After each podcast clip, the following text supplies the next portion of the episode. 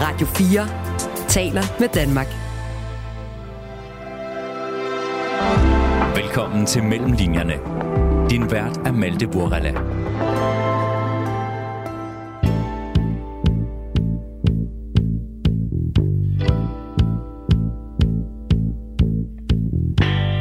Jeg, jeg synes, det er en roman, der handler meget om, hvad vi er overhovedet er i stand til at se. Altså fra det sted, vi står i verden, øh, med den krop, vi har i verden. Og måske især, hvad er det, vi, vi ikke formår at se. Hvad er det, vi ikke øh, formår at erkende. Camilla Hega Holst er aktuel med sin fjerde roman, 386. Et trekantsdrama fuld af hemmeligheder og fortielser, mystiske talkombinationer og et plot til at skubbe det hele fremad. Jeg har altid fat i noget sådan helt privat. På en eller anden måde der er der altid noget, jeg undersøger. Altså mig selv i verden. Mig selv med mine børn, mig selv med mine venner, mig selv med, med familie, samfund. Ikke? Øh, der bruger jeg mig selv utrolig meget. Mens Camilla Hega Holst skrev romanen, blev begge hendes børn diagnostiseret med ADHD, og derfor fik romanens hovedkarakter Maj det også. Min nysgerrighed på mig er jo også blevet en nysgerrighed på en diagnose, som flyttede meget massivt ind, eller den har jo hele tiden været her, kan man sige, men pludselig fik vi et navn på, hvad det er, vi lever med herhjemme. Vi har slæbt rundt herhjemme på alle de sådan, belastningsreaktioner, der kan følge med øh, en ubehandlet ADHD, som angst og depression og misbrug og selvmordstanker. Og jeg kan også se, at det hele har snedet sig ind i min roman 386. Velkommen til denne udgave af Mellem Linjerne. Jeg hedder Malte Vorella.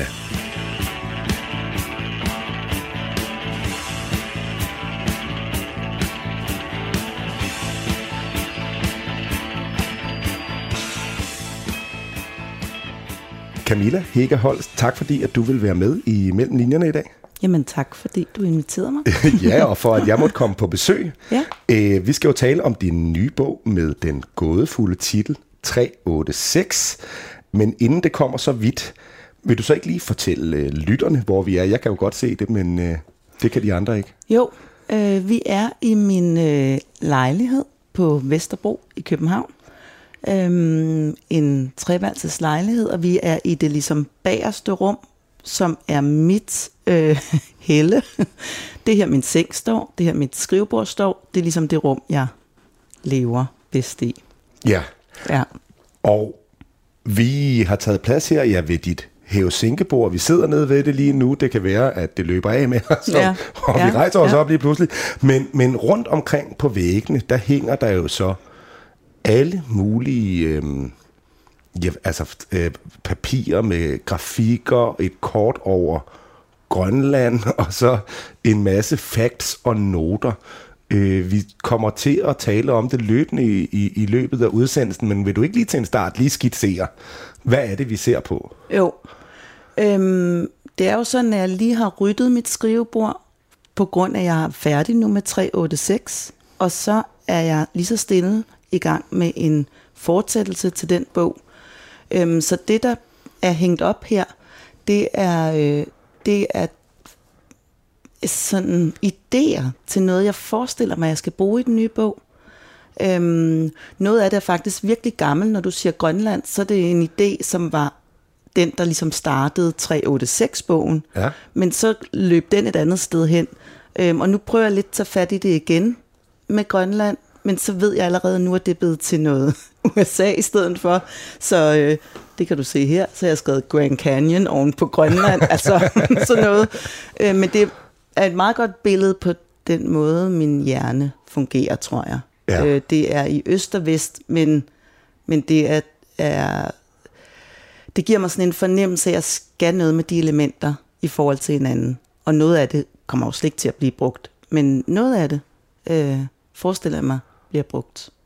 Ja, og jeg, jeg sidder og fortaber mig fuldstændig mm. i det nu her og prøver at læse, fordi de er også sådan øh, øh, lidt teksttunge, nogle af de her mm. ark, der hænger her. Ja. Øh, det er ikke kun øh, fotografier og grafikker, men, men øh, det kan vi jo øh, forsøge at vende tilbage til. Ja. Først vil jeg lige give øh, lytterne et kort overblik over, hvad du har bedrevet hidtil, i hvert fald øh, litterært. Mm.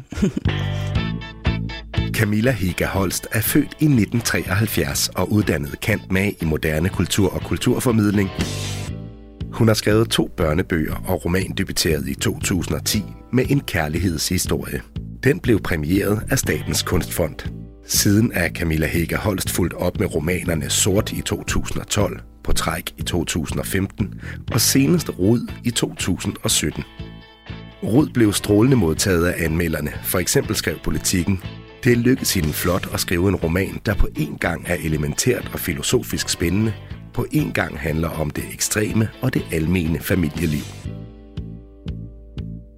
Camilla Hega Holst har blandt andet modtaget Statens Kunstfonds treårige arbejdsstipendium, ligesom hun har modtaget den prestigefulde Bliksenprisen. Nu er altså aktuel med romanen 386, et trekantsdrama på 450 sider. Bare sådan en læst i en håndevending. Øh, jeg kaldte det for et trekantsdrama. Altså, det er vel ikke helt skævt? Nej, det synes jeg overhovedet ikke er skævt. Øh, det tænker jeg også øh, selv, det er. Øhm, ja. men, men hvad, er, hvad, hvad er det for en bog, du har skrevet, hvis man skal øh, sætte lidt flere ord på ja. et trekantsdrama? Ja. Der er, vi har to øh, personer, som hedder mig og Johan. Skal jeg gå sådan lidt konkret øh, til værks her? Det må du gerne, ja. og, men inden du gør det, så tror jeg faktisk lige, at jeg lukker ud til Vesterbro, fordi at ja. det er som om, at der er nogen, der saver eller ja. borer eller et eller andet derude. Der sker altid noget derude, ja. Sådan der. Jamen, vi, vi er i det her hus, altså øh, øh, på Frederiksberg, en villa på Frederiksberg, som ser meget anderledes ud end mit hjem. Men, ja. øh, men det, det er lidt et kammerspil, øh, jeg har skrevet. Det er ligesom øh, den, den øh, setting, vi har, det er, øh, det er det her hus. Øh, og den er jo skrevet, mens jeg har stået i den her lejlighed, også under corona. Og, altså, så der, der er noget, jeg forstår, øh, hvorfor den er blevet til øh, i, i en tid med meget, hvor man har været meget hjemme. Ja.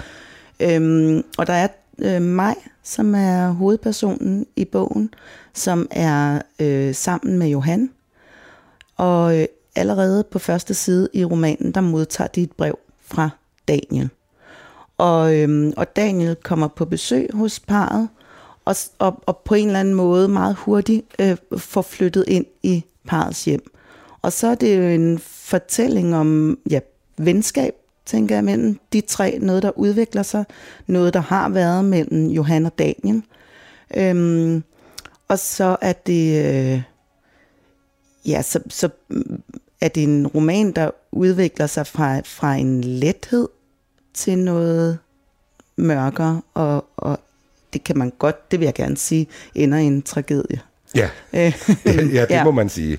Ja, så, øhm, så det er sådan, øhm, så, så det er, hvad der foregår mellem de her tre personer i det her hus. Øhm, der er også lidt nogle andre personer med, men det er ligesom rammen, og det er sådan fire måneder, øh, Daniel bor hos dem, og det er den tidsmæssige ramme for, for romanen. Ja, det foregår hen over, øh, hvad skal man sige, tidlig sommer og ind i efteråret øh, i 2010. Ja. Øhm, skulle vi prøve lige at tegne nogle karakteristikker af de her mm. øh, øh, tre personer? Vi har hovedpersonen Maj, ja som øh, holder hus, kan man sige. Hun går hjemme, men har også noget uro i kroppen, tænker en masse, føler en masse. Øhm, hvad er det, der er med mig? Eller kan du prøve at tegne en karakteristik af hende? Ja, altså øhm, det er rigtigt. På det tidspunkt, vi møder hende, der holder hun hus, og det har hun gjort et års tid. Men, men da hende og Johan møder hinanden øh, øh, 14 år tidligere eller sådan noget, øh, der er hun lige droppet ud af 2G og, og bliver ansat som alt mulig mand i hans virksomhed. Ja. Så, så øh, de møder hinanden med den energi, som, øh, som mig har med sig, som er sådan en uro, altså droppet ud af gym, fordi hun kunne ikke være der. Øhm, og øhm, hun kunne ikke sidde stille, og, og søger et job som alt mulig mand, fordi hun har brug for, for energien i det, og, og hun har en restløshed i sig, og, øhm, og, og egentlig kaster sig ud i det, uden måske vide, altså vide særlig meget om, om håndværk. Men, øh, men hun lærer lidt hen ad vejen. Øhm, og hun er, øh, jeg har diagnostiseret hende, øh, jeg har givet hende diagnosen øh, ADHD, og, øhm, og til det skal jeg måske lige knytte, at øh, mens jeg har skrevet den her roman, mm. øh, er begge mine børn blevet diagnostiseret øh, med ADHD. Så, øh, så man kan sige, min, min nysgerrighed på, på mig, øh, og er jo også blevet en nysgerrighed på en diagnose, som flyttede meget massivt ind, eller den har jo hele tiden været her, kan man sige, men ja. pludselig fik vi et navn på, hvad det er, ja. vi lever med herhjemme. Så det har været sådan en, en undersøgelse af den diagnose, og en omsorg, kan man sige, som udgangspunkt for mine børn. Øh, hvad er det, de øh, bærer med sig? Og så viser det sig jo også, at jo mere jeg, jeg har læst ind på det, og jo mere jeg har skrevet mig ind på karakteren mig, øh, jo tættere har jeg også bare skrevet på mig selv, og følt mig meget genkendt også i, i den diagnose. Okay. Men, men det er ikke, altså jeg føler det jo ikke sådan en ADHD-roman. Altså det, det er et karaktertræk hos mig, mm-hmm. og det er en måde, hun er i verden på. Øhm, hun sanser den ret voldsomt. Øh, verden står ret flimrende omkring hende, og samtidig er der et, et tankemøller inde i hende, og en restløshed, og en, sådan en, en, en motor på en eller anden måde, øhm, som hun jo i kraft af, at hun bor i det her hus, og ikke, det er ligesom indrettet, what to do, altså, ikke? Øhm, så, så hun er jo også lidt fanget i sådan en, en krop, der ikke helt ved, hvad, hvad skal jeg stille op med mig selv. Ja, og, og der går jo faktisk noget tid i bogen, før at der bliver sat øh, navn på hendes, øh, eller, øh, på hendes diagnose. Ja.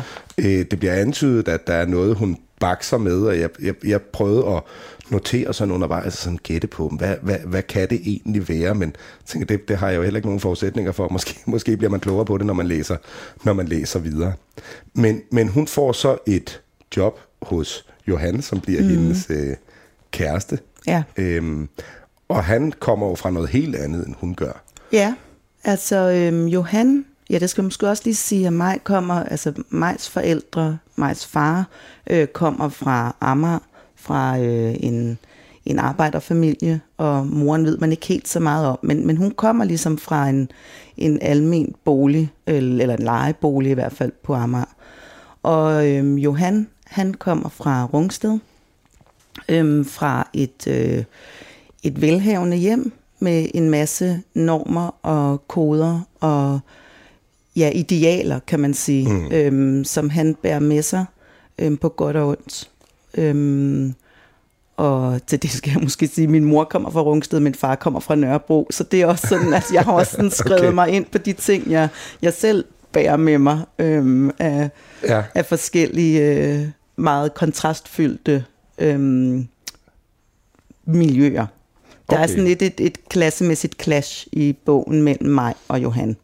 Ja, man kan sige, at øh, Johan kommer fra et hjem, der er meget rigt på traditioner og på historie og meget rigt på penge, mm. men hvor øh, kærlighed kan komme til udtryk på, øh, hvad skal man sige, alternative fasonger. Mm. Øh, ja, så har jeg ikke sagt for meget Nej. i hvert fald. Nej. Og så er der så øh, øh, den, den sidste karakter, øh, der kommer ind og roder lidt øh, op i det hele, Daniel. Ja. Som også kommer fra Rungsted. Daniel er Johans gamle barndomsven, øhm, og en øh, karakter, som, øhm, som Johan har fortalt mig utrolig lidt om. Øhm, og det er der alle mulige grunde til. Øhm, men, men den grund, mig forstår som udgangspunkt, er, at Daniel har været kæreste med Johans tvillingesøster, som ikke er der. Altså hun er død. Mm. Øhm, og det er en sorg i Johan. Og mig og Johan har sådan en, en relation, jeg føler egentlig, der er utrolig stor kærlighed mellem dem, men der er også meget, der ikke bliver sagt. De lever på en eller anden måde med en respekt for, for hinandens fortielser, øhm, som jo kan være lidt... Øh, hmm, at, er det godt at leve sammen uden at snakke om det, som, man, som er svært at snakke om. Ja. Men på en eller anden måde har de jo fundet en måde at være sammen og acceptere, at øh, Johan accepterer al Majs øh, uro og øh, hjælper hende med sin struktur. Og hun accepterer, at han faktisk i dagevis nogle gange bare forsvinder. Øhm, men hun ved, at han kommer tilbage igen. Og, altså hun ved, at han har brug for sit eget rum. Mm. Og det rum er jo så det, man kan sige, Daniel, da han kommer ind i deres liv, begynder at, at afsløre noget omkring. Og, og mig bliver på en eller anden måde også primus motor i at få Daniel ind i deres hjem, fordi hun godt ved, at han kan jo hjælpe mig til at lære noget om Johanna kende. Præcis, han kan krasse lidt i Ja. overfladen, øh, eller i hvert fald fortælle hende øh, nogle af de ting, som hun Ja, aldrig har fået svar på. ja.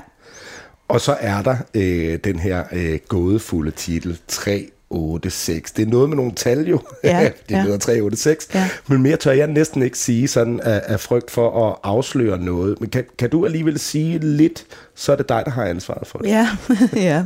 Øhm, ja, men øhm, ja, der er nogle tal i, i teksten, øhm, og som, øh, som for mig selv også har været sådan, det, det var faktisk nogle tal, der startede, da jeg var, øh, havde den der idé med, med indlandsisen og, og Grønland, fordi der var noget... Øh, der var en rute der med noget, nogle øhm, opmålinger og sådan noget. Så jeg, jeg blev nysgerrig på tal, og var det egentlig også i min tidligere roman Rod. Øhm, der er noget kontrastfyldt i tal over for bogstaver, som jeg altid, eller jeg kan mærke, at jeg bliver mere og mere nysgerrig på, hvordan støder de mod hinanden. Mm. Så egentlig har tallene snedet sig ind i teksten på en måde, hvor jeg har været selv meget nysgerrig på at finde ud af, hvad skal de? Altså, hvad ved de mig i den her tekst? Og, øhm, og så ligger der jo mig skal, altså mig har en, øh, tallene ligger som noget, der, det er ikke mig, der skriver tallene. Nej. Mig, hun skriver noter på en blog. Altså noter, vi øh, sætter benet på på havestolen. Ja, nogle huskelister, Sådan nogle ikke? huskelister. Og så begynder øh, Daniel, som kommer på besøg, at skrive tal på Majs blog. Og, og der opstår der en eller anden dialog, som, som mig føler er en, en form for henvendelse til hende, tror jeg. Øhm, men vi skal som læser i bogen være nysgerrige på samme måde, som mig er på de her tal. Og først, vi, vi bliver nødt til ligesom at nå hele bogen igennem, før vi forstår, hvad er det, der ligger i de her tal, og hvad er det for en under, et underliggende ja, drama, øhm, som, som er knyttet til de tre øh, tal, ja. som er titlen på romanen.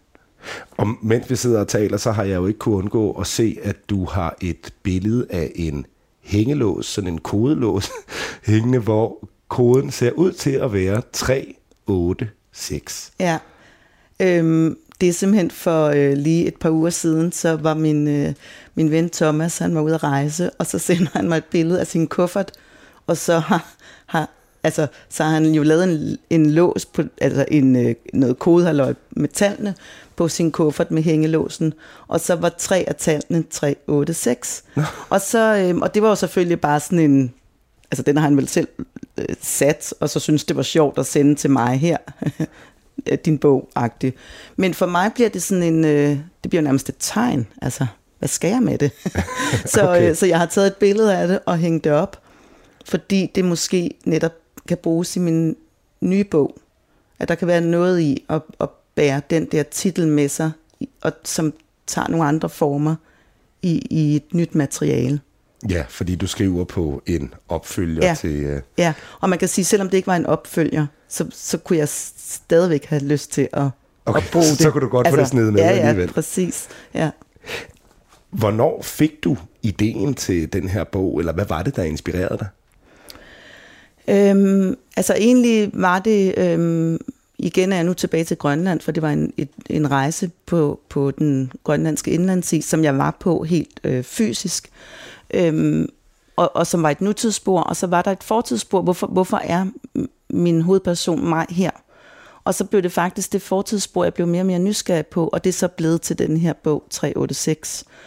Øhm, ja, altså jeg tror, jeg er, jeg er optaget af venskaber, og jeg er optaget af, af venskaber måske lidt i modsætning til, til kernefamilien.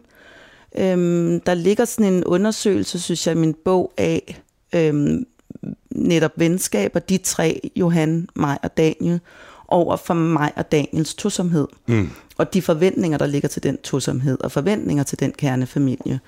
Og jeg øhm, skriver indirekte en, øh, en måske en kritik af kernefamilien, i hvert fald en, øh, i hvert fald ligger der noget ret destruktivt i, hvis man ikke kan løsrive sig fra det blik og de normer, der knytter sig til øh, den øh, familieform. Og jeg har selv levet i 17 år nu uden for øh, den der typiske kernefamilie, Jeg har været alene med mine børn, og har haft en stor vennekreds, som er dem, jeg øh, altså, bruger i min hverdag, dem jeg er fortrolig med, dem mine børn øh, kender, dem vi spiser med og sådan noget. Mm. Øhm, ja, så, så jeg tror, der, jeg, jeg synes selv, der ligger en, en nysgerrighed, og måske endda en længsel i min roman efter, kunne man, kunne man have indrettet sig anderledes? Kunne noget have, have været... Altså, det, det er jo en bog, der, der, der er en derot. øh, kunne, kunne man have holdt det i noget fint, hvis, i noget fint og lettere, hvis man havde kunne snakke om, hvad der foregår mellem de her tre mennesker? Kunne de tre, alle tre have haft plads i, i det her, øh, i den her villa? Ja. Øhm, men, men du nævnte, at der ligger noget destruktivt i tosomheden, eller ideen om kær, øh, kernefamilien. Hvad? Det, bliver det, jo, det bliver det i denne her bog, kan man ja. sige. Det er ikke, fordi jeg siger, der er noget destruktivt i tosomhed. okay, ej, det stussede også lige over ja, det. Nej, det synes jeg ikke, der er, men der ligger noget, øhm, der ligger noget eksklu- ekskluderende i kernefamilien, øhm, synes jeg. Nu står jeg jo også uden for den. Ja. Øhm, men, men, men tosomheden kan blive meget sådan øh, selvcentreret. Øhm, og, og jeg synes, i, og, og det er jo især øh, årene, hvor man har små børn, der, der kan den der familieform komme til at lukke sig utrolig meget om sig selv. Øhm, og, og kernefamilien har på en eller anden måde altid forrang. Øhm, fordi det stadigvæk er vores ideal, og hvis folk bliver skilt, og det gør folk, men så søger de ind i, i en ny øh, konstellation, som ligner den gamle. Ja. Så, så det er det, jeg sådan... Øh, og der er noget i, i den indretning, som jeg synes er, øh, er lidt iltfattig. ja, så man kan sige, så, så, så flytter øh, Daniel så ind i, øh, i Johan og Majs øh, stille liv, ja. og sætter lidt liv i kludene, kan man sige. Øh. Jamen på alt muligt. Det der med, når man pludselig er tre, det gør det jo også meget mere komplekst. Mm. Altså, fordi det er jo tre mennesker med følelser og med holdninger og med sprog eller ikke sprog. Eller, altså, øh, så den her dynamik mellem de tre bliver jo langt mere kompleks og Øh, og sådan er det jo, hvis man lever i kollektiver, hvis man lever, altså det, det kræver også en rummelighed, og det kræver, øhm, det kræver at kunne, kunne være med, med alle de her kroppe, der måske vil noget forskelligt, og som ikke, altså det har jeg været så nysgerrig på, hvad er det, hvad, hvad er det, de vil med hinanden? øh, og der ligger jo sådan en eller anden underliggende øhm, tone i bogen, fordi at mig er synsvinkelbærer. Vi ved kun i bogen, hvad hun ser og erkender og reflekterer. Og altså, øh, Daniel og Johan har ikke, altså, vi kan høre dem i en dialog med hende, hvad de mm. siger, og, men vi ved jo faktisk ikke, hvad er det, de føler i forhold til hinanden og sådan noget. Og der kommer tallene til at have en betydning, men, øhm, men vi er med mig, så vi ved kun, hvad hun ser. Jeg, jeg synes, det er en roman, der handler meget om, hvad vi overhovedet er i stand til at se. Altså fra det sted, vi står i verden, øh, med den krop, vi har i verden. Hvad, hvad er det så, og måske især, hvad er det, vi, vi ikke formår at se?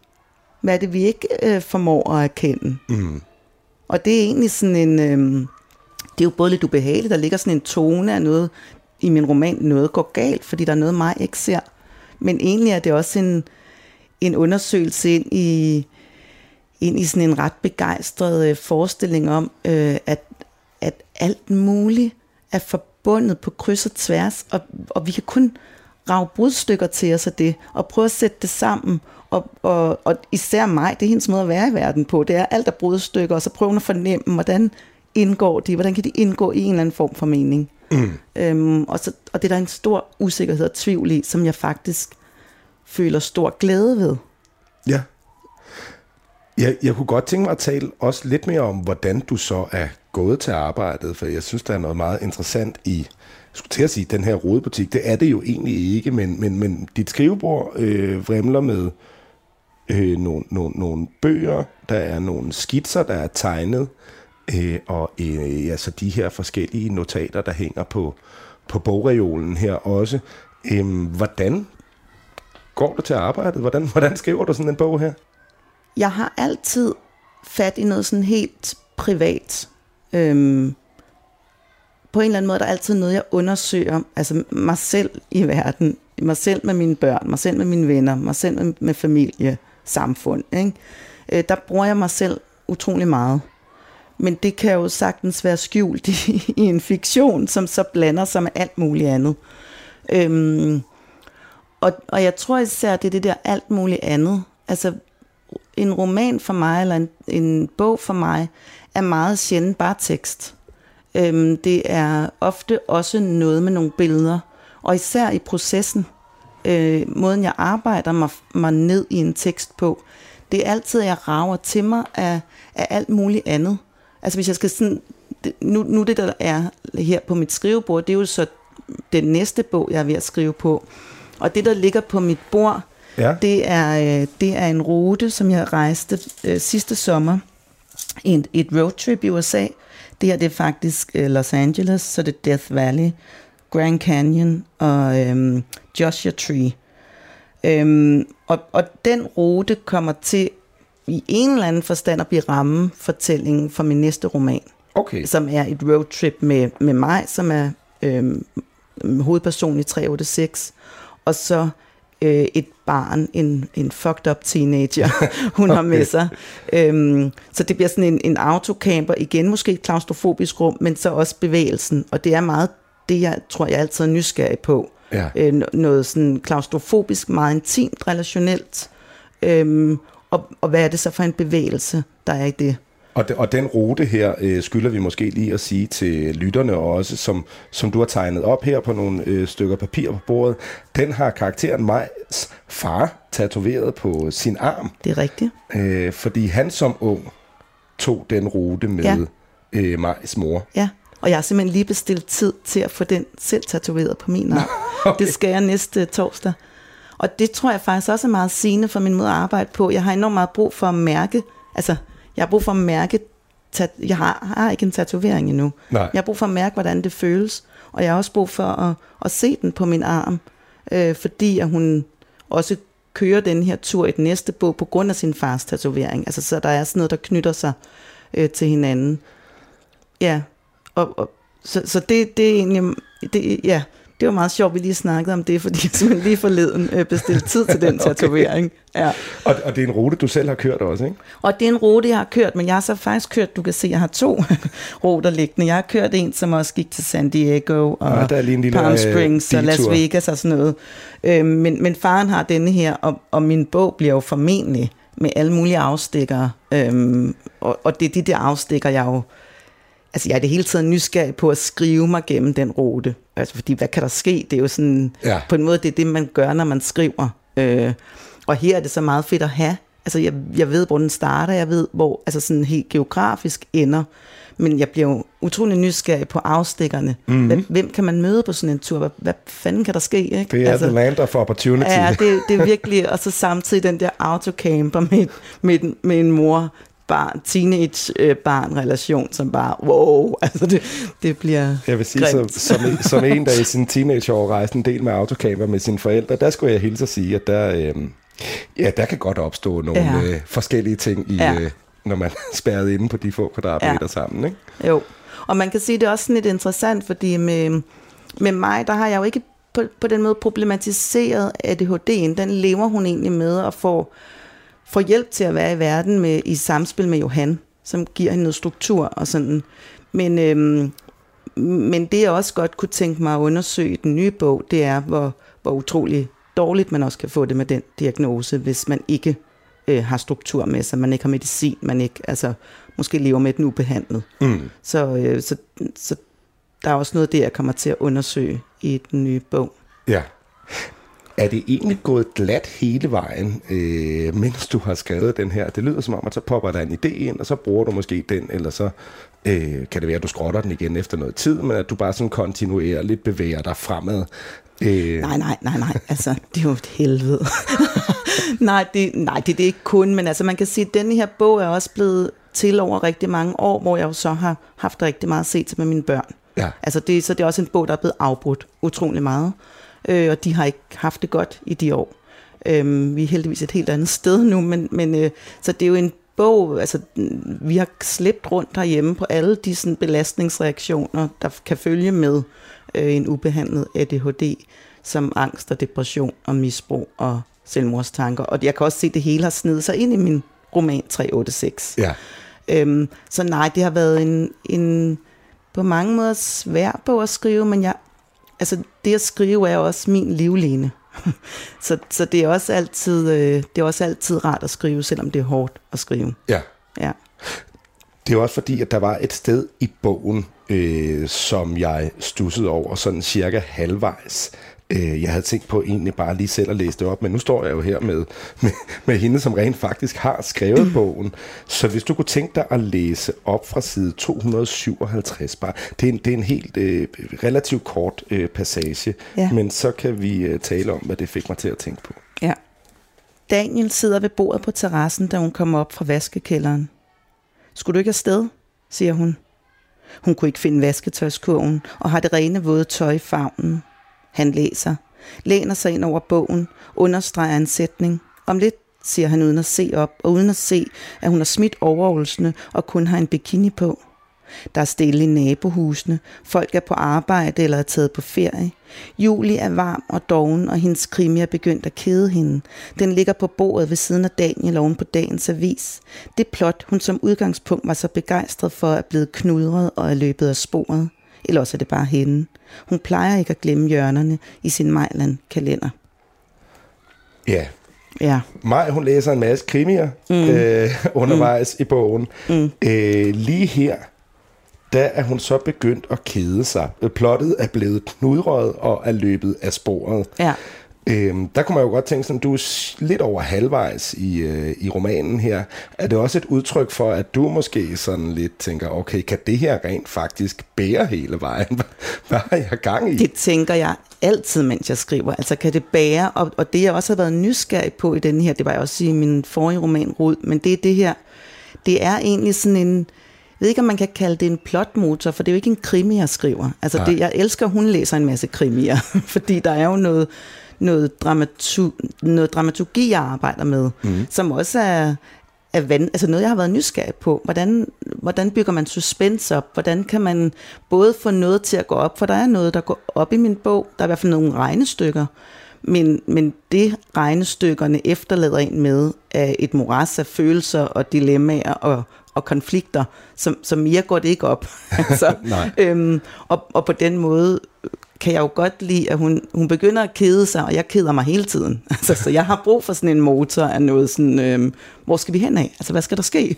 Ja. øhm, og jeg kan også godt lide det knudret. Altså, på en måde kan jeg også godt lide noget løber af sporet. Øhm, ja, så... Men hvordan bevarer man som forfatter troen på sit plot hele vejen igennem? Altså kan man det, eller skal... Ja, nej, altså det kan man da tvivle på hele tiden, og man, og man skal jo have tvivlen med sig i skriften. Øh, jeg har en meget sådan, jeg har en meget alvorsfuld tilgang til skriften, fordi det er virkelig, det, det er sådan, det er lidt en overlevelsesstrategi, men jeg har også en meget lejende tilgang til den. Ja. Så jeg er også sådan, øh, at du kan se, her, nu har jeg købt, øh, jeg har købt nogle rollespilsterninger, Ja, som ligger her, og det er jo fordi, jeg har, øhm, de ligger oven på det kort, vi lige snakkede om, mm. og det er i forbindelse med min næste bog, fordi jeg jo begyndt at læse om, om krystalstrukturer af salte, fordi Death Valley, øh, hvor den næste bog på et tidspunkt går til formentlig, øh, det er jo et af de varmeste steder øh, på jorden, der går man på,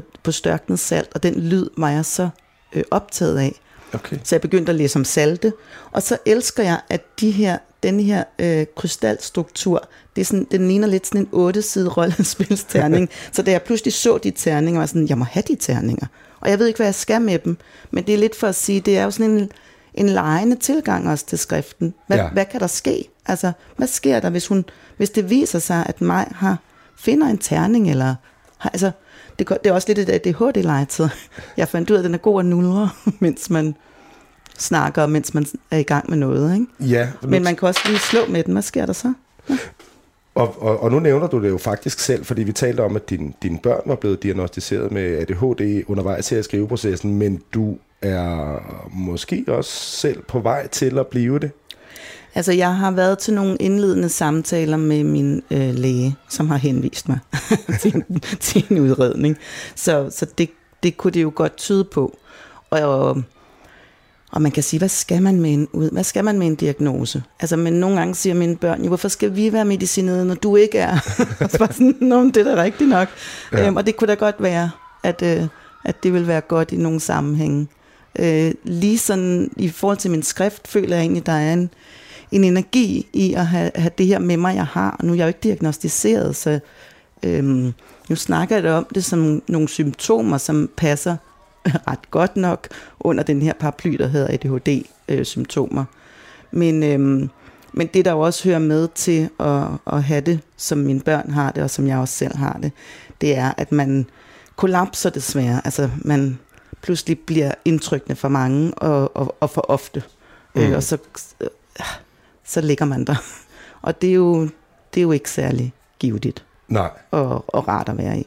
Men undervejs i sådan en proces, og nu er du selvfølgelig ikke øh, udredt og sådan endnu, men, men jeg forestiller mig, at du alligevel må gøre dig nogle tanker om det. Øh, er der noget, som også går op for dig, eller nogen erkendelse, hvor man tænker, nå ja, det, det passer selvfølgelig. Øh. Utrolig meget. så virkelig. Øhm, og på den måde har det jo også været... Det er jo mærkeligt at, at få sådan en diagnose, som bliver et en del af vores familieliv. Øhm, og der er jo noget, der også provokerer mig i diagnoser. Der er et eller andet i, at der er noget sådan magt i det. Så bliver vi proppet derned. Og ja. jeg får også den der med, at altså, hvis samfundet var anderledes, hvis vi havde indrettet os anderledes, så kunne vi shine. Altså, ikke? Øhm, så, så man giver også en diagnose, fordi man med de kroppe, vi så har, øh, kan have svært ved at fungere i den måde, man har indrettet sig på så, altså samfundsmæssigt. Mm. Øhm, og alle de strukturer hænger jo sammen med det familie, altså hvordan vi indretter os som familie og, og alle institutioner. Og det er jo især øh, svært som, som barn med diagnose øhm, at indgå i klasseværelser. Altså det er jo der, man, man ofte opdager det øh, ja. først. Ikke? Fordi familien, vi, vi har vores måder. øhm, ja. Men, øh, men ja, der er alt muligt, jeg har fundet ud af, men jeg tror faktisk især, altså når jeg kigger på mit forfatterskab øh, sådan generelt, så tænker jeg, at det her med at samle alle de her brudstykker, alt det her flimrende, og, og, øh, og se, jeg, jeg har altid talt om mit forfatterskab som sådan en meget øh, collage-agtig tilgang til skriften, mm. at jeg samler øh, modstridende elementer og prøver at, og i den sammensætning og håbe på, at der opstår et eller andet nyt. Altså, hvad er det, hvad er det, man kan, man, man kan nå frem til. Jeg gør det også i 386, det er det der med bogstaver og tal. Og, og mig, som har sådan en fornemmelse af noget betydning, fornemmelse af nogle øh, af en mening, som, som hun ikke kan se i det enkelte element. Det, det skal sættes sammen med noget andet. Øh, med tallene skal de på en eller anden måde oversættes, eller de skal udregnes. Øh, ja. Så, øh, og, og her, når jeg kigger på, på alt det, jeg har samlet til min nye bog, så er det jo også noget med, altså det her, det, det er dårligt udprint, men det er faktisk sådan en, et, et mærkeligt træstykke med et metal øh, vedhæng, som ligger på bunden af en af de fem søer i København. Ja. Så hver gang jeg går forbi den, så tænker jeg, hvad er det man for noget? Og jeg har så taget et billede af den og printet det ud. Nu er det et dårligt billede, men jeg ved, hvad det er. Jeg kan se den nede i søen for mig. Og, og på en eller anden måde er det også en fornemmelse af at samle ting, jeg ser i min omverden, og, og formentlig, måske bliver den arbejdet ind i min nye tekst. Ja.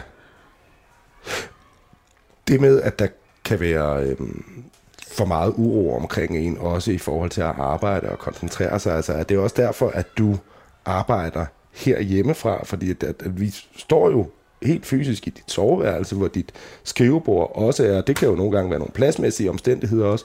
Men jeg tænker bare på mig selv, at hvis jeg skulle vågne og så rejse mig, og så var mit arbejde lige der foran mig, mm. det tror jeg på en eller anden måde, at jeg vil have svært ved at finde roen i. Jeg skal ud af lejligheden og måske sidde omkring nogle andre mennesker, eller have muligheden for at tale med nogle andre mennesker, men, men at det er noget, du, ja, det, det er det jo åbenlyst noget, du trives i, det her. Jeg kan slet ikke, altså jeg vil sige, jeg kan slet ikke skrive, hvis jeg først har været ude i, i, i verden derude. øhm, jeg bliver meget hurtigt distraheret. Ja. Øhm, og, og på, på sådan en måde, så min krop bliver urolig. Og, øhm, og det er hele tiden, hvorfor jeg også er så glad for at skrive, det er fordi jeg i skriften kan finde en eller anden rytme, som er min egen kropsrytme, og ikke den der verden derudes rytme. Øhm, og, og så, hiv, kan, så hænger jeg jo ting op og hiver dem ind i mit rum, men det er jo det er et trygt rum, det her for mig. Og det er et rum, jeg ligesom kan lukke lyd af fra. Og derfor jeg har haft meget svært ved at, at skrive med mine børn hjemme. Og jeg har, den der, nu kan vi det formentlig også med i optagelsen her, men, men skolegården, altså vi, vi kan jo høre børn, der leger udenfor og sådan noget. Og det er på en eller anden måde en, øh, ofte er det en lyd, jeg godt kan, kan have med at gøre. Men hvis der pludselig kom en gentagende et eller andet hamren, eller altså, ja. så kan jeg blive... Øh, der, der er noget med den hvide støj, det der minder, altså sådan en støj, som, som er ret konstant. Mm. Den kan jeg være i. Men, men hvis den pludselig forskyder sig til noget andet, så wow, så er jeg lost. ja. Nu, nu nævnte du, at du øh, øh, havde gået tur ned ved øh, de fem søer her i København og fotograferet øh, et stykke træ og metal, der lå på, på bunden. Karakteren mig her, hun går jo også ture rundt om, om søerne øh, nærmest dagligt mm. øh, og lytter til musik undervejs. Mm. Det, det, det er også en, måske ikke motor, men du nævner det undervejs, at, at hun lytter øh, til både sådan ældre og øh, nyere øh, popnumre. Der er for eksempel, skal huske, at romanen foregår i 2010 selvfølgelig, ja. så der ja. er jo øh, Lady Gaga med Bad Romance, og, mm. men, men også Blondie og Anthony and the Johnsons Talking Heads, øh, Psycho Killer, den, den møder man mange gange mm. undervejs mm. i, i, i, i bogen, men, men hvad er din tanke med det her musikalske spor? Ja, man kan sige, øh, helt personligt bruger jeg faktisk ikke musik, øh, men det gør mine børn rigtig meget. De har altid høretelefoner på med musik i. Så, øh, så mig er også bygget op af et mix af os, kan man sige. Men, øh, men sådan rent litterært er det jo igen måske mere putte et, et andet element ind, altså putte et lydelement i, øh, ind i teksten, som, øh, som jeg jo ikke forklarer, hvordan skal man forstå det her tekststykke i forhold til det, mm-hmm. øh, den romantekst, der er omkring den. Øh, men den bliver både grafisk, øh, står den i kursiv, så der er noget sådan, der kan ja, måske forstyrre lidt, eller lige forskyde øh, blikket lidt, og det kan jeg altid godt lide øh, i, en, i en roman. Og, øhm, og så er der selvfølgelig også noget i, i det citerede øh, i den citerede sangtekst, ja. som taler på en eller anden måde sammen med, med romanens øh, drama, eller hvad man kan sige. Ikke? Jo. Men uden at jeg går ind og siger, nu skal du forstå det sådan her. Men, men det må være op til læseren, hvordan man oplever øh, det citerede musik i forhold til... Ja. Ja. Selvfølgelig, og det, du, øh, nu nævnte jeg jo også det her øh, Talking Heads nummer, øh, Psycho Killer, som øh, det er dem, der kender det, øh, begynder nærmest, øh, kunne jeg forestille mig, at tappe med foden nu her. Mm.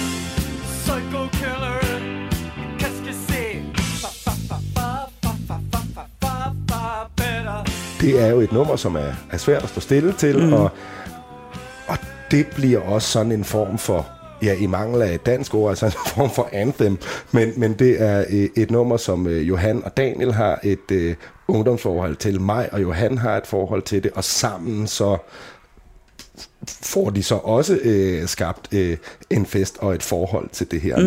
nummer. Man kan vel også bruge musik til så at fremskrive nogle følelser eller nogle stemninger, som man måske ikke ellers kunne. Mm. Altså, når jeg har skrevet de her numre ind, så har det jo selvfølgelig det har ikke bare været sådan, når jeg har bare taget et eller andet nummer. Så har jeg jo siddet herhjemme og lyttet til det, og mærket det i kroppen, og fundet ud af, kunne det være et, en god lyd lige nu, altså i teksten. Ja. Øhm, så jeg ved faktisk ikke, nej det gør man jo ikke, men det kunne være sjovt i lydbogen, at man faktisk hørte et lille musikstykke. Det er nok for dyrt, det, kan, det må man ikke. Nej, det men, godt, øh, men det kunne være meget fedt jo, ikke? at man lige fik øh, et, et øh, altså, musikken med. Men du siger, du lytter ikke til musik på den måde, altså når du går de der ture om søerne, så... Nej, øhm, det gør jeg altså i det hele taget, prøver jeg nok mest at, at dæmpe al lyd. øhm, og det gør jeg for, øhm, altså så når jeg går søerne, så er det også for, så er det fordi, jeg går væk fra min tekst, og så er det i en eller anden form for både at lige altså få noget ud af kroppen. Jeg står altid op og skriver, så jeg er på en eller anden måde altid lidt i bevægelse, også når jeg, når jeg skriver min tekst. Men, men lige at, at få gået, altså så bliver jeg restløs, så skal jeg ud og gå. Men der håber jeg også altid, at mine tanker, som er lige gået fra teksten ved skrivebordet, er med mig på den tur. Og det vil jeg ikke kunne, hvis jeg har hørt musik. Altså, så vil jeg blive afledt og, og være et andet sted. Ja. Jeg, og jeg kan netop heller ikke skrive med musik, øh, eller andre, der sidder og snakker ved siden af mig. Eller, altså, øh, der, der har jeg brug for... Altså, jeg prøver hele tiden at få lyd væk på en eller anden måde. Ja. ja og finde ro. Giv mig noget ro, for fanden. ja.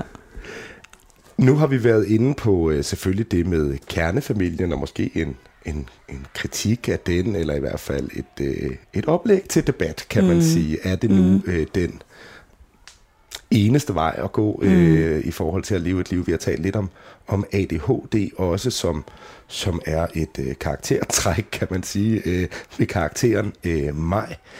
Men udover så at skrive en, en medrivende roman med et plot og sådan, er der så noget særligt, du håber, at læserne tager med sig, når de har læst den her? Ja, hvad kan man sige til det? Fordi jeg skriver jo ikke, fordi jeg egentlig har budskaber. Altså det, det er aldrig mit udgangspunkt for at skrive. Mm. Mit udgangspunkt er, at jeg selv er nysgerrig på noget, jeg undersøger.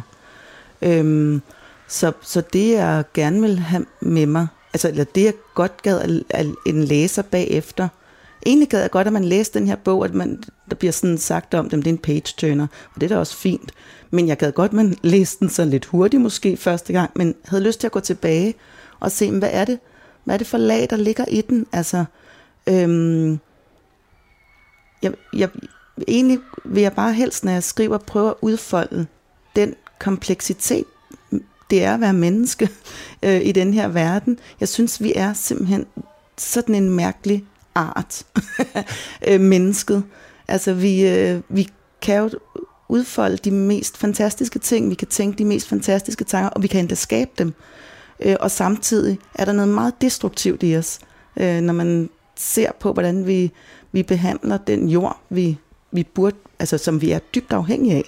Så der er sådan nogle ting, og, og det der egentlig også i min bog, er der nogle overvejelser, ikke, ikke på den måde, som jeg lige siger dem her, men, øh, men mig læser, øh, får fat i en af Daniels bøger, og læser en bog, der hedder The Ecological Thought, hvor hun sidder og prøver at oversætte nogle sætninger.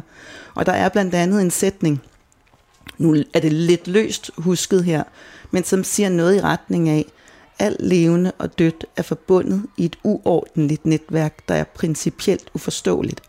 Og det er for mig sådan en sætning, som jeg bare har holdt fast i i mange år, fordi den føles så utrolig sand i al sin usikkerhed og i al sin tvivl. Øhm, så, så hvis læseren skal noget med, så er det måske egentlig at, at, at tage fat i den sætning, og så, øh, og så håber jeg, at min, min bog skriver sig ind i den uordentlighed, og den sådan, øh, det principielt uforståelige. mm. Vi skal til at slutte lige her om et øjeblik, øh, men du skriver som nævnt på en opfølger på den her bog. Er det fordi, at du ikke kunne slippe det her univers? Hvorfor, hvorfor egentlig vælge at blive i det? Jeg tror, jeg er blevet rigtig glad for mig, som er hovedpersonen. Øhm, og, øh, og jeg har, har lyst til, altså jeg har, jeg har jo haft den her, øh, jeg var på det her roadtrip sidste sommer, så det er et år siden, øhm, og vidste, at den vil jeg, jeg vil gerne skrive den, jeg har brug for at være i den autocamper, jeg har brug for at være på den her tur, og så giver det øh, utrolig god mening, at det er mig, der er der, øhm, altså i mit hoved, og at hun er der med, med noget af det, Altså det, er en, det er, kommer til at være en bog, som er 14 år fremme i tid, så det bliver ikke lige sådan, øh, når så sagde vi farvel til i 386, og så fortsætter vi. Det, jeg forestiller mig egentlig, det bliver en ret anderledes bog. Ja. Øhm, så, så det handler om at, at stadigvæk have nogle, nogle spørgsmål og nogle dilemmaer, og, altså, som jeg har lyst til at arbejde videre med øh, fra 386. Skal vi ikke øh, slutte der? Jo. Tak fordi, at du vil være med i Mellem Linjerne, Camilla. Ja, men tusind tak for samtalen. Camilla Hækkeholds nye bog 386, den er netop udkommet på Politikens forlag. Tak fordi du lyttede med. Jeg hedder Malte Vorgala.